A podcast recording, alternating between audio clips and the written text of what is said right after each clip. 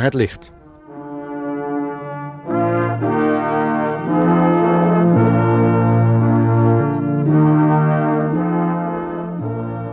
Het familieprogramma van de Stichting Adulam in Curaçao voor geestelijke groei.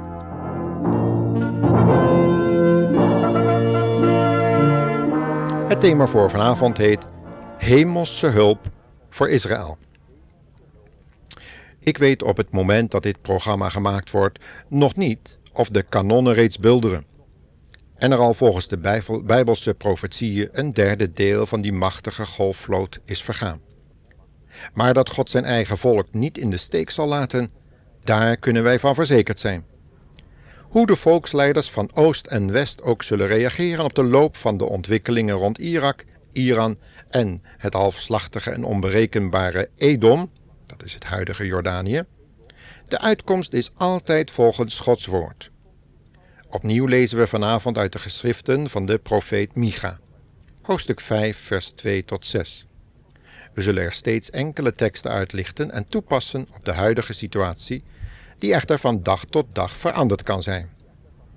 Laten we dus horen hoe een en ander zich zou kunnen gaan ontwikkelen, volgens die profeet Micha. God zal zijn volk prijsgeven aan hun vijanden, totdat zij, die zwanger is, een kind ter wereld heeft gebracht. Dan zullen de overgebleven ballingen van Juda met hun broeders uit Israël terugkeren naar hun eigen land. Hij zal zijn kudde weiden in de kracht van de Heere, in de majesteit van de Heere, zijn God.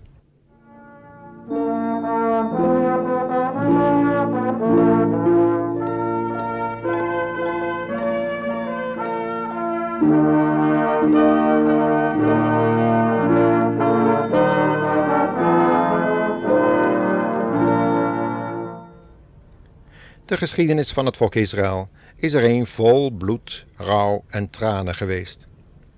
Na de wegvoering van de Joden naar Babel, het huidige Irak dus, was er na 70 jaar ballingschap onder de vorst Kores een terugkeer mogelijk naar het land van de vaderen. Of de oude prins en profeet Daniel, die dit in de geest reeds mocht zien gebeuren, dit nog in mee heeft mogen maken, meldt de schrift niet, hoewel er in een van de geschriften van Ezra of Nehemia zijn naam wel ergens voorkomt, maar dat kan ook een ander geweest zijn. Evenals Mozes heeft hij echter zich mogen verheugen in die tweede exodus naar het beloofde land, omdat hij nu, niet eens nu niet vanuit Egypte, maar vanuit het huidige Sirak, of Irak bedoel ik, een visie heeft mogen hebben over deze eindtijd. Vanaf dat moment heeft het land Israël wel voortdurend overheersers gekend, maar mocht er steeds een overblijfsel in het land blijven wonen. Bij dat overblijfsel heeft de Heer Jezus willen leven en werken.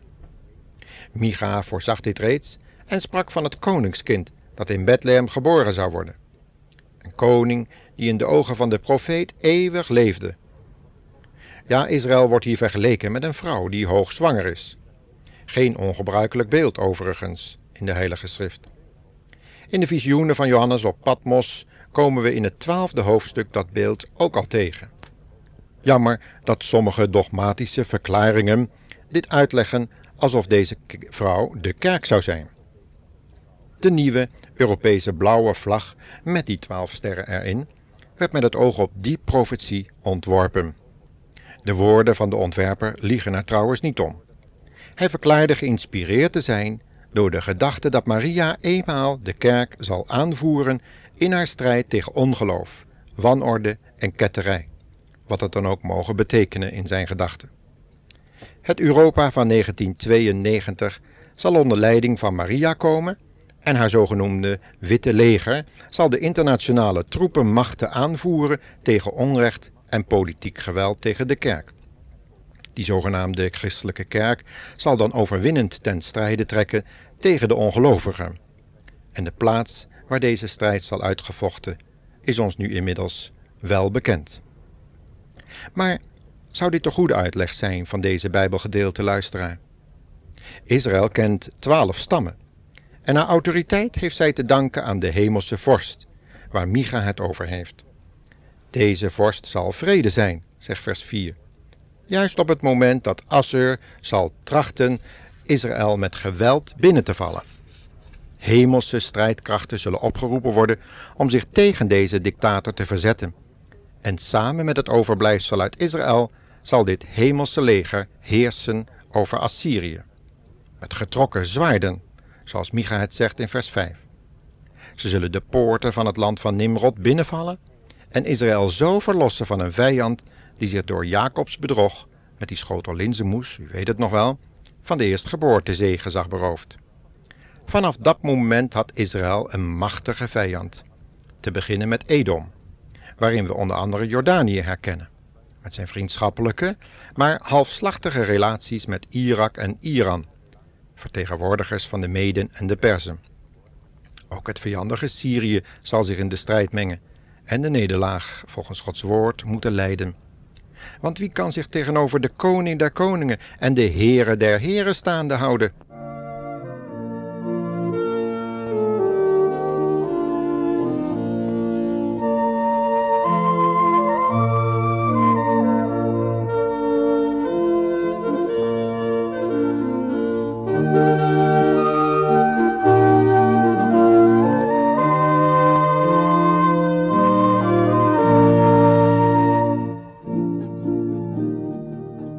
Nimrod, bekend als die geweldige jager uit Genesis 10, waarvan geschreven staat: En het beginsel van zijn rijk was Babel.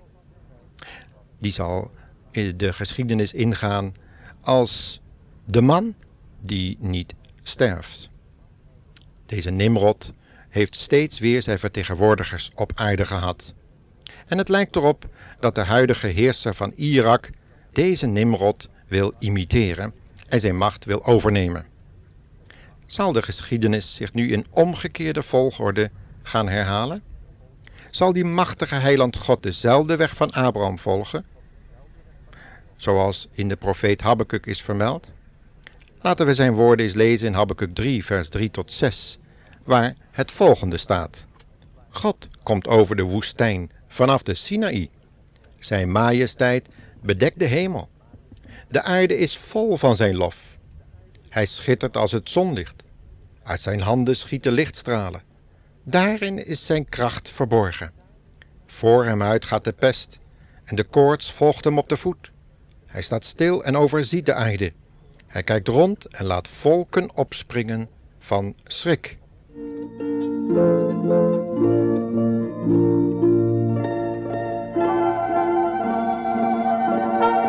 Ja,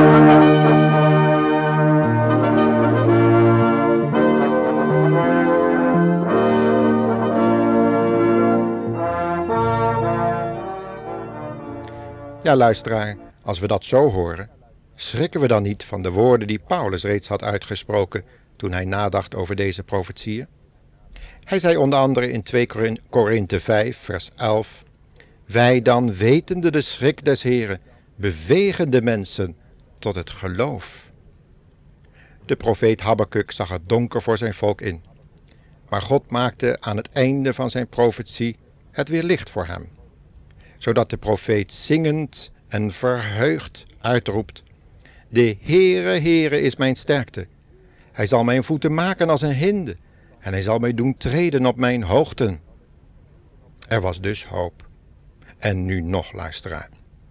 God zal zijn volk niet in de steek laten, al lijkt het er momenteel wel op. Ook niet als alle volken zich onder leiding van een machtige wereldheerser tegenover dat kleine legertje van Israël zal stellen en de antichrist zich zal zetten in de nu nog te herbouwen tempel.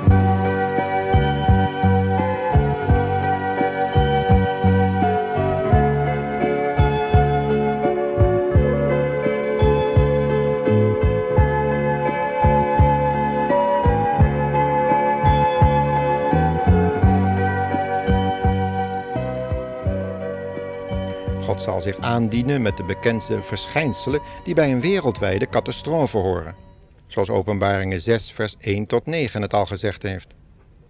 Nee, het is in dat gedeelte nog niet de Christus die komen zou, zoals dat beschreven staat in Openbaringen 19, vers 11 en verder. Die vergissing hebben vele kerkvaders reeds gemaakt.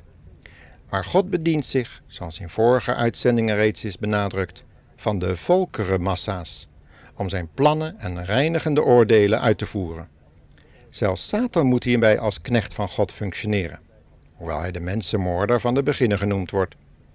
Hij functioneert echter als een tuchtroede in Gods hand. God die oordeelt en krijg voert in gerechtigheid en de wereldwijde toverij, hoererij en ongehoorzaamheid aan zijn gebod moet straffen.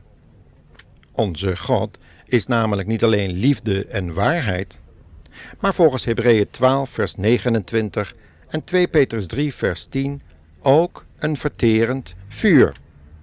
Dat vuur zal de tegenstanders verslinden, leert de Bijbel. Niet zo liefelijk uitgedrukt, maar het moet gezegd voor de luisteraar. Anders doen we de waarheid geweld aan. Laten we daarom deze uitzending beëindigen met de woorden van 2 Petrus 3, vers 17 en 18, waar we het volgende lezen. U bent gewaarschuwd, vrienden. Wees daarom op uw hoede. Laat u niet meeslepen door verkeerde ideeën van mensen die van geen wet willen weten. Anders valt u af van de goede plaats waar u nu staat. U moet in plaats daarvan geestelijk groeien en onze Heere en Redder Jezus Christus beter leren kennen. Voor Hem is alle eer, voor nu en eeuwig. Amen.